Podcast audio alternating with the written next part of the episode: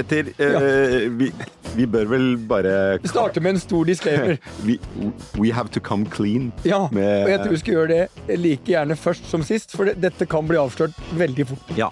Eh, det vi skal snakke om i dag, har vi ikke peiling på. Nei, øh, tidligere så har vi, vi har jo sagt det før, men i dag, øh, I dag mener vi det. Mer, er det mer riktig enn Det er ikke koketering kokettering i dag. Det er ikke kokettering. Nei. Men eh, det vi skal snakke om er jo legemidler, men også da noe vi har litt bedre peiling på, det er jo investeringer. Ja. Eh, men eh, legemidler er jo, det er jo en sektor som fikk en vanvittig boost, ikke minst under pandemien. Ja. da var det masse investeringer i pandemien, så døde det litt hen eh, etter at eh, en slags normal eh, oppsto igjen i markedet, og så har jo i mellomtiden så har jo rentene steget kraftig, investeringslysten i risikable selskaper har falt betydelig. Og Så- folk har blitt eh, mer oppmerksom på at eh, selskaper som har eh, inntjening og omsetning og Ja. cashflow og utbyttekapasitet kanskje, har blitt mer attraktive, og Ja. de der som skal tjene penger langt inn i fremtiden, øh, de har blitt litt mindre populære. Og Du ville kanskje investert i Kongsberg-gruppen og våpen fremfor eh, et legemiddelselskap som kanskje har en medisin om 30 år, hvis du skulle satset Men- på noe sikkert i dag. Men samtidig, hvis de treffer, så er det jo eh, ordentlig tungbord, da. Det er jo det. Eller det er eh, jackpot i Vegas. Ja, og det er jo der kasinovertene kommer inn da, Petter. For Vi har, eh, I studio så har vi deg, Ingrid Teigeland Akai. Velkommen. Ja, takk. Du har vært der en gang før. Du er jo gründer av Hadian Ventures, er det Ja, ikke det? stemmer det. Som investerer kun i legemiddelselskaper, eller? Ja. Legemiddel, medtech, diagnostikk og digital helse. Ja. Medtech, er det da, kan det da også være apparater som brukes i forbindelse med legevisitter eller operasjoner? Ja, for eksempel. Mm. Også medisinsk utstyr og eh, implanterte eh, duppedingser som eh, man bruker Men for å behandle. Men digital helse, er det sånn at jeg kan eh, laste ned en eller annen app og stille min egen diagnose? Det kan være det. Og så kan du også kan laste ned en egen app og få behandling.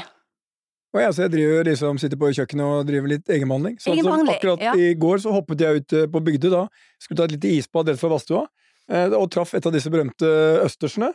Eh, og da hadde jeg hatt behov for en sånn eh, liten digital service for å ta min egen behandling på kjøkkenet. Ja. Det her, det er en, den jeg snakker om, det er en sånn kognitiv behandling som kan funke i alle slags tilfeller. Sterk historie fra virkeligheten der, Petter. Det er, det, er, det er viktig i disse tider, når man podcastere har jo forskjellige historier de kommer med. Ja. Vi kommer bare ting fra virkeligheten som vi kan snakke om, Ja. og vi står for det. Og vi står for det, Ja. Ingen er bilder vi derfor Det er derfor jeg jeg går litt rart i dag, så er det fordi jeg har, jeg har store smerter i benet. Men eh, et av de selskapene Hadian har investert i, eh, det er eh, et selskap som ja, nei, jeg må nesten få en forklaring fra deg, jeg Kari Myhren. Eh, kan ikke du eh, si litt selskapet du jobber i, og hva dere driver med i det selskapet? Jo, jeg, jeg jobber Unnskyld. Eh, Som Chief Medical Officer i et selskap som heter Onkoinvent. Vi driver med utvikling av radioaktive legemidler. Så det startet opp i 2010 i sin spede begynnelse med de første gründerne og noen, et forskerteam, og nå har vi blitt et firma på Nå runder vi 50 personer.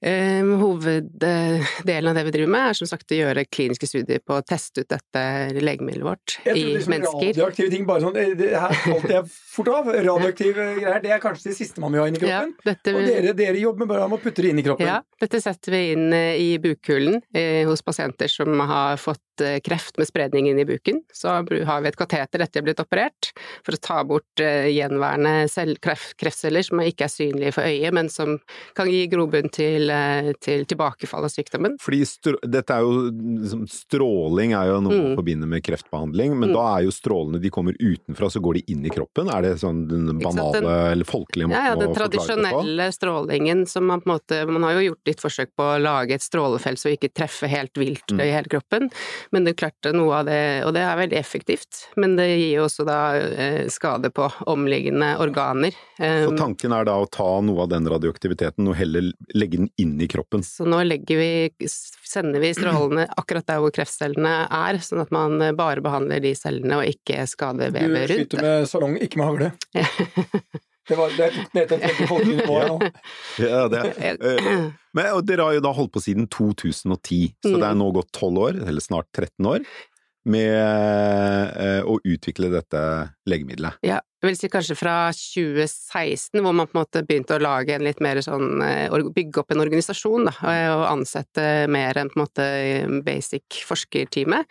Eh, og også på en måte det store steget hvor du tar tester flytte produktet ditt fra laboratoriet og dyreforsøk til å faktisk teste det ut på mennesker, som vi vel startet med i 2019.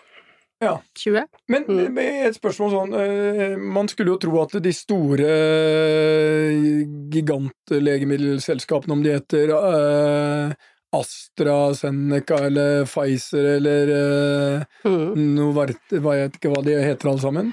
Mm. hvordan skal liksom Jeg ser der at det er viktig med hele den der forskningen og utviklingen. For dette tar jo altså uansett, det tar veldig lang tid. Mm. Dere har fortsatt, eh, sånn jeg opplever, en god vei å gå før, dere, før disse tingene er på markedet. Mm. Og dere begynte da aktivt i 2016, Mm. så det tar liksom fort ti år. Stemmer det. Hvordan skal Så- lite, relativt lite med relativt begrensede midler Her snakker vi om at uh, samlet har man kanskje gått inn med en halv milliard eller en milliard eller noe, som er i legemiddelverden relativt lite penger. Uh, hvordan skal dere Hva er, hva er liksom deres uh, formler for å lykkes? Skal dere, hvordan skal dere konkurrere med de virkelig store? Er det sånn at dere patenterer ting løpende underveis? Ja, absolutt. Ehm, Jeg tenker at noe noe av det som er unikt som vi har og de små firmaene har, er jo at vi, vi er veldig oversiktlige organisasjoner. Vi kan gjøre ting raskt, vi kan være kreative, innovative. Vi har ikke de lange eh, rapporteringslinjene som du har i et stort firma. Så det er klart at de store legemiddelfirmaene, de har jo da sin forskjell når du kommer ut at eh, man skal liksom gange opp alt med mange hundre, så, så har jo de eh, en fort, et fortrinn, mens vi kan være kjempegode, særlig på denne tidligfasen, tenker jeg da. Når Hadien går inn og investerer i, i, i et selskap som dette, hva, hva, hva tenker dere da om eh, altså Venturefond har jo gjerne en exit. Eh, De Mm. tenker at de skal investere, og så om fem år eller om ti år, eller ofte mindre, tre Mm. år, så skal de selge seg ut, og da helst med gevinst. Mm. Hva er tanken eh, bak en investering i legemidler? Ja, altså for det første så når vi ser på en investeringsmulighet, så ser vi sant, på avkastningspotensialet, og så ser vi på risikonivå, og så ser vi på tidslinja. Og vi kommer jo inn på et um, tidspunkt hvor vi tror at over de neste ja, maks fire til seks årene så kommer det klinisk data, milepæler, som gjør at selskapene blir interessante for oppkjøp. Mm. For det er jo ikke noe, nødvendigvis noen konkurranse mellom det de store selskapene gjør og de små. Det er heller synergier. For de store selskapene de driver med det som kalles outsourced innovation. Mm. Så de lar disse Små, Små, som er- ikke sant, som har eh, er lett for å bevege seg raskere og sånn, gjør innovasjon, og så kjøper de på det rette stadiet. Men du er er, jo i venture-businessen, eh, og du har jo investert i 13 uh, selskaper i det første fondet. Ja. Uh, Som, eh, altså, du skulle hente en halv milliard og endte med en milliard. Ja. Som er, eh, du har investert i 13 selskaper. Hvor mange av de har enten blitt solgt eller er i ferd med å realiseres?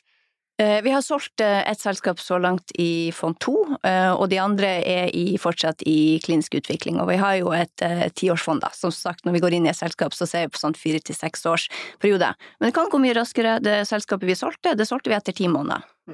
Ja, det er veldig raskt. Det er veldig raskt, ja. Men, men da er det sånn at du, når du en, La oss ta, forklare litt sånn klinisk undersøkelse, for det er det dere gjør med dette produktet deres også i OncoInvent. Kan ikke dere forklare hva er kliniske undersøkelser? Du kan si at det går gjennom flere faser. Da. Som sagt, det, vi har gjort er å teste ut nå. Eh, Når man har gjort Når man har testet på laboratoriet, eh, så gjør man gjerne noen dyreforsøk, teste på, på effekt og sikkerhet i dyr. Og så er neste steg vanligvis å jo teste det ut eh, i mennesker. Eh, Og når vi jobber med kreftbehandling, så er det jo da ikke sånne såkalte friske frivillige som man bruker i andre, andre typer kliniske studier, men da tester man ut kanskje på de aller sykeste pasientene først, fordi man skal på en måte sjekke at det er trygt å Men bruke. der, har, der har du Du er nødt til å gi noen da eh, en sånn eh, kur som ikke funker, som bare er eh, Ja, så- eh, I første runde så gjør vi vanligvis ikke det. Så når vi har behandlet pasienter nå, så har alle fått vårt legemiddel. Okay. Men så vil neste fase være at du skal sammenligne Da skal man begynne å se på effekt, og da må du sammenligne hvordan går det hvor man ikke gir det, sammenlignet med de som man gir det. Og så må du måle da og se For da får du en stor gruppe mennesker, og ingen av de menneskene vet om vi har fått det som faktisk funker, og det som ikke funker. Det er ulike måter. Man kan enten gjøre det på den måten, eller så kan det også være sånn at man, man vet om det. Vårt produkt brukes jo sammen med kirurgi, så det kan hende at vi skal sikte Men bare for å hoppe inn på den studien som onkelen nå har kjørt, så har vi kjørt hvor alle pasienter blir behandla. Ja. Men vi, når vi ser på resultatene, så sammenligner vi jo med historiske kontroller. Mm. Ja. Så vi ser jo liksom om vi tror det har effekt eller ikke. Ja. Og så, så langt så ser det jo veldig spennende ut. Ikke sant? Veldig lovende ut. For vi, vi har jo da En av studiene våre gjør vi jo Vi har to studier. En som behandler pasienter med eggstokkreft, og en med tykktarmskreft. Eh, Begge da med spredning i bukhulen. Begge to. Ja, ja. Um, og så har vi den ene studien som vi kjører da på Radiumhospitalet, blant annet, hvor de har et stort historisk eh, kontrollmateriale som de på en måte Det er de samme kirurgene som har behandlet dem, det er de samme som har operert. Det er jo noe med en forventning til hvordan det skal gå med dem. Um, og som du sier, så ser det lovende ut uh, enn så lenge, da. Nå har vi hatt uh, alle pasientene inne i studien i over et år, så Og det ser bra ut. Hvordan er dette markedet for legemiddelforskning i Norge, Ingunn? Er det, er det det er ganske lite miljø, er det ikke det? Der Mm. alle kjenner alle, og eh, man investerer litt i hverandre, eller hvordan Kan ikke du forklare litt om Ja, dette? altså, det er jo eh, det er et eh, lite miljø, og det er et lite marked, men vi har liksom noen sånne områder i Norge som vi er knallgode på. Mm. Sånn som radiofarmer, for eksempel. Vi har jo på et verdensnivå så har vi ledende miljøer innen radiofarma. som er det- Ja. altså Sånn type legemidler som har radioaktivitet. Med radioaktivitet. Med radioaktivitet, ja, ikke sant. Så er et av de eksemplene hvor vi er, hvor vi er knallgode. Og det som er at, ikke sant, vitenskapen kan komme fra hvor som helst, og så går det til et globalt marked. Mm. Så det er så spennende. Altså, vi ser ikke på Norge som en markedsmulighet, det er et kjempelite land. Eh, Det liksom, når vi utvikler medisiner, så er det nye behandlinger, så er det fra et globalt marked. Og da kan det komme fra hvor som helst. Hva er grunnen til at vi er så gode på akkurat eh, radiofarma? Det har jo historiske grunner, blant annet det teamet som står bak Unkoin, men det har jo tidligere også starta Algeta, som var den største exiten vi har hatt. Ble solgt til Bayer, ikke sant. Et eksempel på et eh, legemiddelselskap kjøpte opp eh, eh, et norsk selskap Det var 2,9 milliarder dollar eller noe sånt. Så, og så har, ikke sant, de har beholdt aktivitet i Norge. GE har også aktivitet innen um, radio. Ja, det er på en måte en slags hub i, i Oslo, faktisk. Da, som, Men tror du at eh, mye av det som skjer nå sånn, Vi lever jo lenger og lenger. Eh, Vi blir jo gamlere og gamlere, og blir du gammel nok, så dauer du sannsynligvis av kreft på et eller annet tidspunkt. Eh, og det er jo blitt sånn Det er eh, mye penger som går inn i dette markedet. Men allikevel så tar det lang tid. Men det er, det er et interessant liksom, fenomen at når vi fikk koronaen, så sa de fleste at å ta fram tilfredsstillende liksom, medisinering for en korona, det tar liksom best case to år, og kan ta fem, seks, syv år.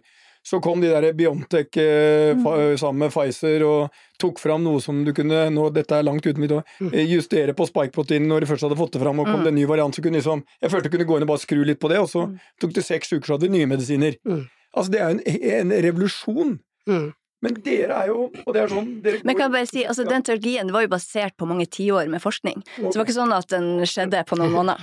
Mm. Så det tenker var jeg liksom, De hadde den klar. hadde, hadde klar. men når, når covid kom, ikke sant, så ble det pøst på masse ressurser. Som på en måte ga det siste Ja, og ikke minst så var det på en måte et tett samarbeid med regulatoriske myndigheter, for det er jo en av de tingene som Ja, det Ja, fort. det er der for å beskytte oss og for å sørge for pasientsikkerhet og god kvalitet, men det er jo også en, en utrolig ja, tidkrevende prosess, da. å Er det noe å lære av pandemien i, i hvordan man uh, ruller ut nye medisiner, godkjenner nye medisiner, forsker på nye medisiner for å få dem raskere ut i markedet?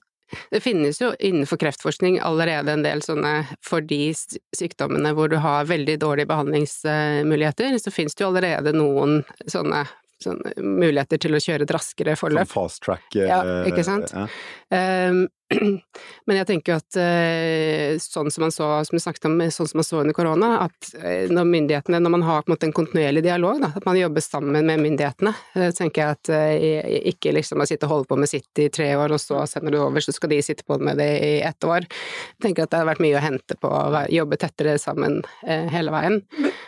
Men bare sånn, den type investor som kommer til øh, denne type øh, sånn selskap, det kan jo ikke være sånn som øh, Per, for å bruke et eksempel som er nærliggende, som vi ofte bruker, som skal liksom begynne å sitte og vurdere eh, innenfor et område. Jeg ser han kan investere i ting han forstår. Her i beste fall, Per, både du og jeg, vi hadde ikke forstått mye av det. Nei, overhodet ikke. Nei, og Eh, så hvem- Hvilken type investor er som putte penger i eh, dette når du henta penger?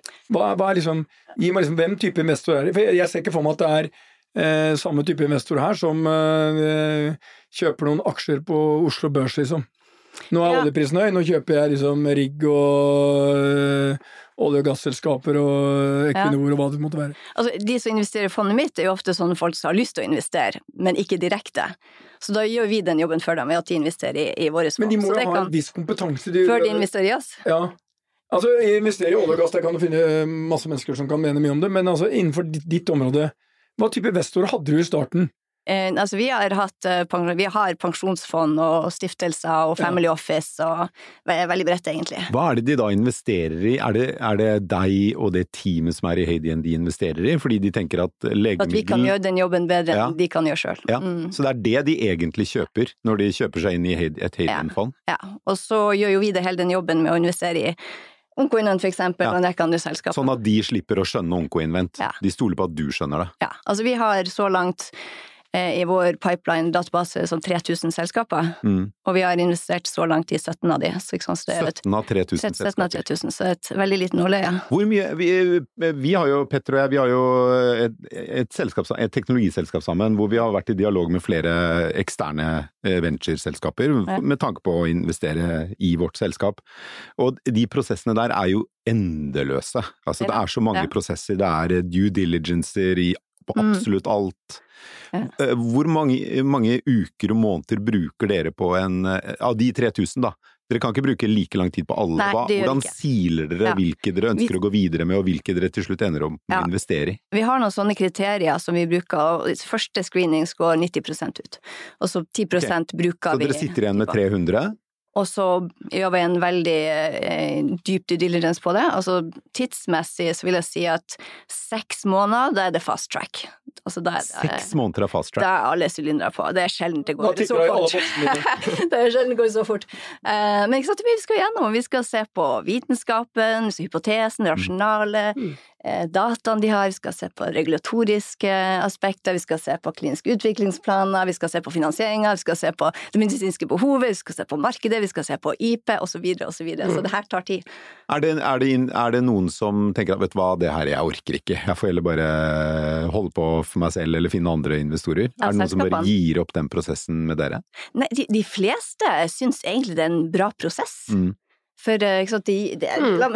Kari, du kan jo si litt. Det er jo, det er jo en sparring, ikke sant. Ja. Mm. Så vi stiller spørsmål som på en måte eh, Mm. Dere syns det er bra å tenke gjennom også, og Mm. presentere og sånn. Så du kan jo si Og den litt hva du prosessen fortsetter jo Ja, nå, tenker sånn. jeg også, så nå som vi, på den måten vi jobber sammen også nå, at det, den, dere med deres spisskompetanse innenfor feltet, og, og deres researchere, som vi også og det er mange store beslutninger vi skal ta også strategisk, og at man også kan være sparingspartnere på disse store veivalgene man står overfor, hvilken vei skal man gå videre, hvor, ja, så. Så, det, så dere får, altså dere er aktive investorer som går inn med den spisskompetansen dere sitter med, og dekker opp for områder Mm. som eksempel dere ikke har. Ja, altså at vi supplerer hverandre. Jeg tenker også Ingrid har jo ganske lik eh, tilnærming, tilnærming og forståelse, kombinasjonen av liksom science og business, og at man kan liksom ha noen som forstår det, og forstår utviklingsløpet, forstår de utfordringene man står overfor, og de mulighetene. Eh, Så at, mm. tror Så jeg jeg sitter jo i styret i Oncoinvent, Mm. også i eh, Scientific sånn subkomité. Så dere er, er dere i styrene i alle selskapene dere investerer Ja, når vi ser i selskap, så går vi alltid inn i styret. Hvor- Men er det, hvor, det, det er ikke sånn at dere har noen områder, sånn som jeg var innom der, at eh, vi blir eh, eldre og eldre, og alle vil jo leve lengst mulig. Er det sånn at dere tenker på at ja, nå skal vi se innenfor dette området her, hvordan kan vi liksom øh, gjøre ting som er, gjør at vi lever lenger og bedre? Uh, eller har dere bare, eller er bredden deres sånn nei, nei, vi er innenfor alt, biotech, eh, medtech, eller hva du sånn Ja, du, vi, vi har egentlig eh, begge tilnærmingene. Altså Først så er vi bottom up, vi får veldig mye eh, tilsendt, og da er det veldig sånn case by case vi ser på om vi syns det er interessant eller ikke. Men vi tar også innimellom en sånn top down approach når det er noen områder som vi syns er eh, spesielt eh, spennende. Så tenker vi ok, nå gjør vi en skanning og ser hvilket selskap er det som jobber innen dette feltet. Ja. Eh, Hvor dere selv kontakter selskaper det gjør vi ofte får på radaren? Ja. Mm. Hvor, eh, Men- kan ikke jeg- du si litt om det, men hva, hva, Fordi jeg vil vite liksom, Hva ser dere på som de mest spennende eh, delene av legemiddelforskningen nå? Hvor er det liksom det er, det er utrolig mye som, eh, som, skjer akkurat nå på forskjellige felt. Og som sagt, Radiofarma er faktisk et veldig hot felt for tida, og der er vi på en måte spot on uh, i Norge, så det er superspennende. Og så har vi alltid inn ikke sant, eh, genterapi, RNA, ikke sant, som vaksiner var sånn, så, ja. Som vaksiner, som er nye vaksiner. Mm. Også innen ikke sant, digital helse, også veldig spennende. For denne pandemien gjorde at hele dette med digitalisering har blitt akselerert. Mm. I et helsesystem som før har vært ganske tregt. Mm. Men jeg har bare sånn Én um, ting er liksom hvis du investerer i mer uh, tradisjonelle virksomheter, så kan du se noen omsetning, og så ble det ikke akkurat som du tenkte. Så ble kostnadene litt høyere, og liksom de ting, vanlige ting. Men jeg føler liksom det området dere er på, du har 13 selskaper i det første og fire i det andre fondet. Det er litt sånn enten-eller. Det er litt binært for meg, de greiene her. sånn. Det er, sånn, det er som klotring uten sikring. Mm. Det er sånn enten kommer du til toppen, og det var høyrisikosport, men du klarte det. Og hvis du ikke klarer så går liksom da går det rett ned. Uh, uten sånn er, er, det en, Har jeg en riktig oppfattelse av de 13, da? Så tenker du på Ja, det er Går to inn, så holder det. For de kan gå hundregangen. Mm. Men det er kanskje én eller to av 13 som går inn, og det er kanskje mm. Du, um, det er ja, med eh, en, en, litt sånn eh, kvalifisering der. fordi at ofte så er det jo andre ting i pipeline òg. Mm. Og altså, produkter kan brukes på forskjellige områder, og så er det ofte andre ting i pipeline. Um, så det er ikke helt binært. Det er det uh, absolutt ikke. Eh, men til en viss grad så er det jo eh, Fordi du ser at det av og til La oss ta Oncoinvent som et eksempel. Fordi dere, sant, dere forsker på, på, på å tilføre radioaktivitet inn i buk Eh, Bukhulen, ja. takk. Veldig bra. Ja. Men dere har andre eh, lignende prosjekter på andre deler av kroppen, er det ja, ikke sånn? Ja, for det, det som, som, som, vi snakket om, man, man, ønsker å gjøre seg mindre sårbare, ikke bare ha ett ben å stå på. Så vi har jo produkter som da på en måte baserer seg på samme konseptet, hovedkonseptet, med radioaktive isotoper, men som da, hvor man også kan Nå har vi jo en, en, eh, en behandling som spesifikt går i bukhulen, men man også ser på muligheten for å kunne komme koble dette med antistoffer, kunne koble det med eh, peptider, for at man kan kjøre mer det som kalles targeted eh, behandling, hvor du leverer eh, denne radioaktive strålingen direkte til et målorgan, da, for eksempel.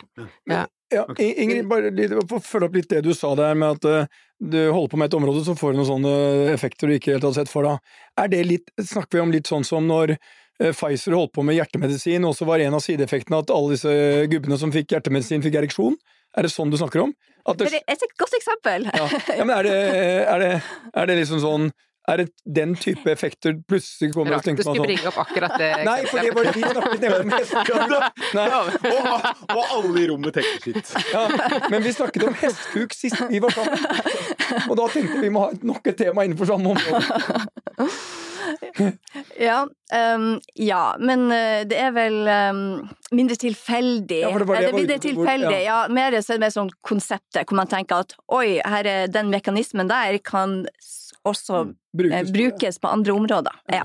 Men det er jo en annen jeg, som jeg leste om i Economist her forleden, er jo forskning på hvor man har utviklet medisiner som hjelper mot fedme. Mm. Eh, som man oppdaget fordi man utviklet insulinmedisin, så vidt jeg husker. Diabetesbehandling, ja. ja. Den er jo i salg i Norge i dag. Så, ja. Den er jo i salg i Norge i dag, og, så man utvikler noe for diabetes, men man opplever at her, denne fører jo til vektfall. Mm. Eh, er det denne type historier, og Viagra-eksempelet ditt, er dette historier som er mer unntak enn regelen? Du, stort sett så lykkes du eller mislykkes du med det du starter med å forske på? Eh, ja, det tror jeg man kan si, mm. og det er jo litt forskjellig, altså, men det er klart, disse tingene som vi snakket om, det er jo også mer sånn metabolske prosesser som jo, ja, det er ikke så uvanlig at ting både virker på, på hjerte og nyrer, glokar, blodkar, de tingene.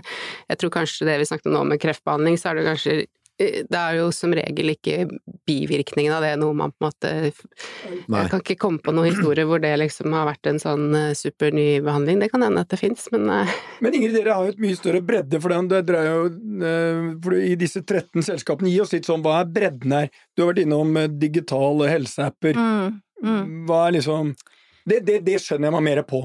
Det, forstår, ja. det, tror jeg jeg kan forstå. Ja. Hva er det mest ekstreme dere jobber med? Bare gi noen eksempler på sånn som er lang horisont, Eh, høy risiko, eh, klatring uten sikring. det er sånn generelt så er jo biotek er jo det, altså legemiddelbehandling um, er jo det som er mest sånn høy høyrisikosport, det er jo det.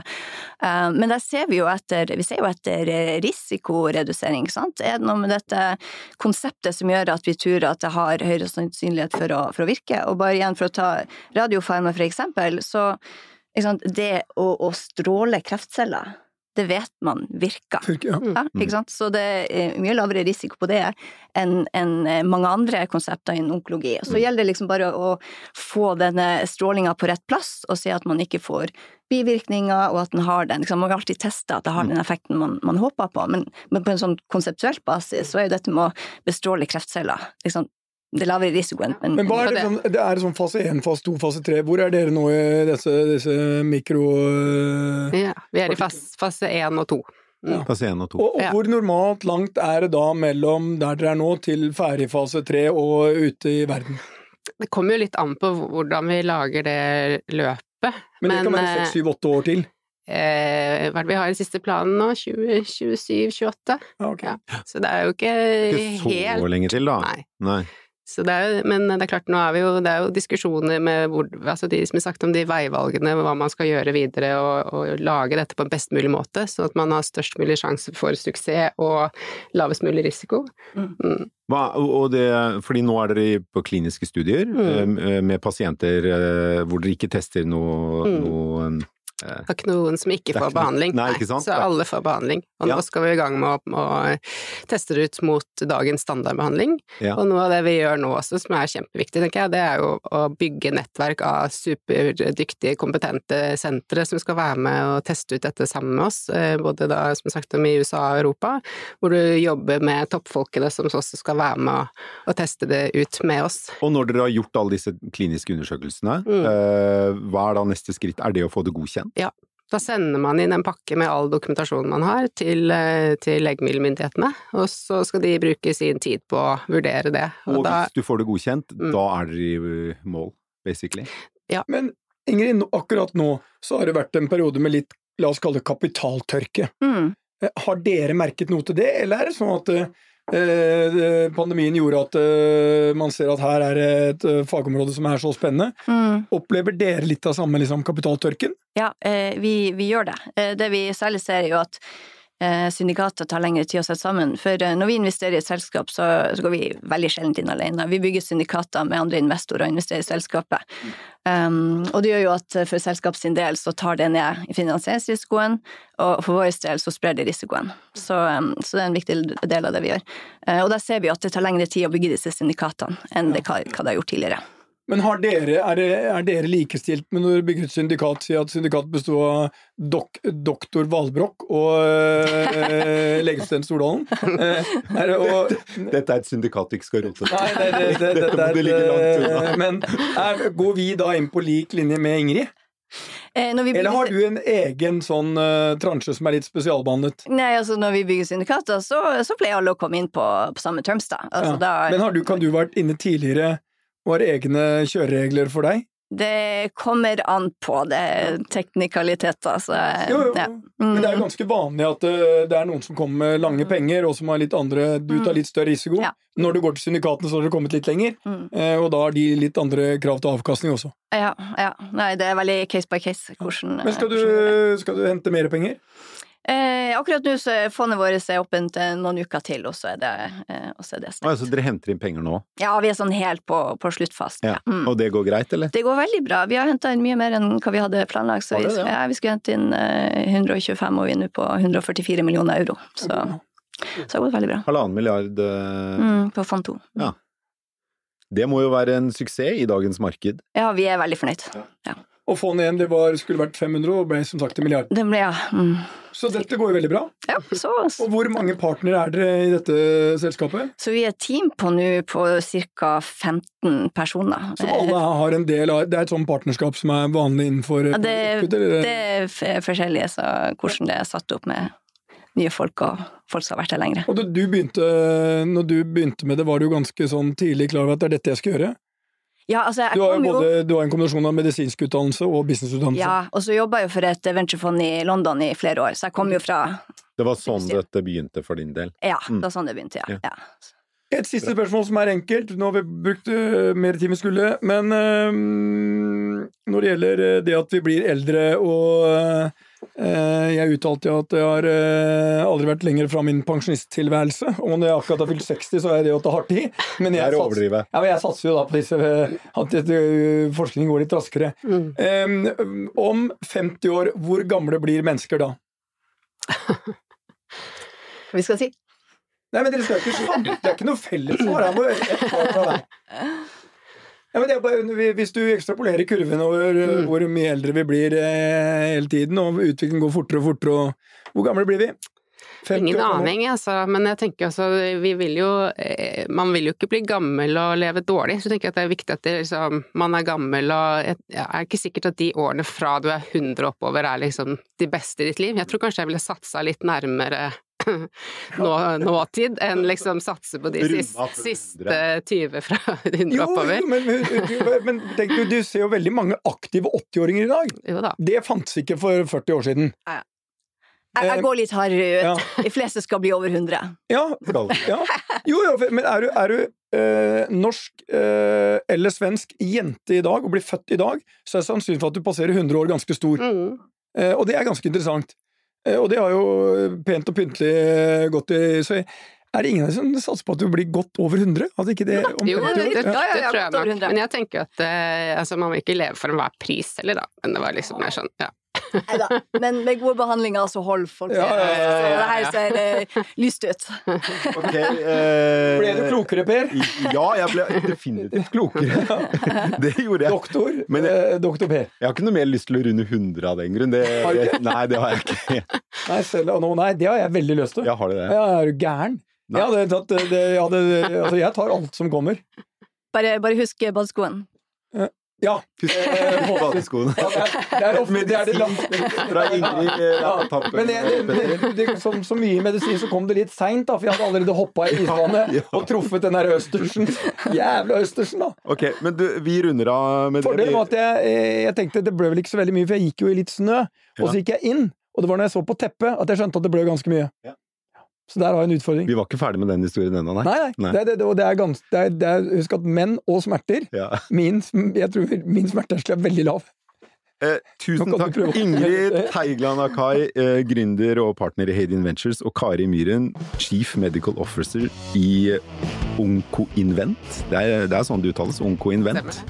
Tusen takk for at dere kom i studio og uh, gjorde Petter og meg ufattelig mye mer kunnskapsrike på dette området enn vi var for en halvtime siden. Ja, det må der vi si. Jo, der var jo lista veldig lav. Så, så... Vi, vi, snakker russiske prosenter. Nei, veldig, veldig Her eh, så snakkes vi igjen neste uke. Det gjør vi.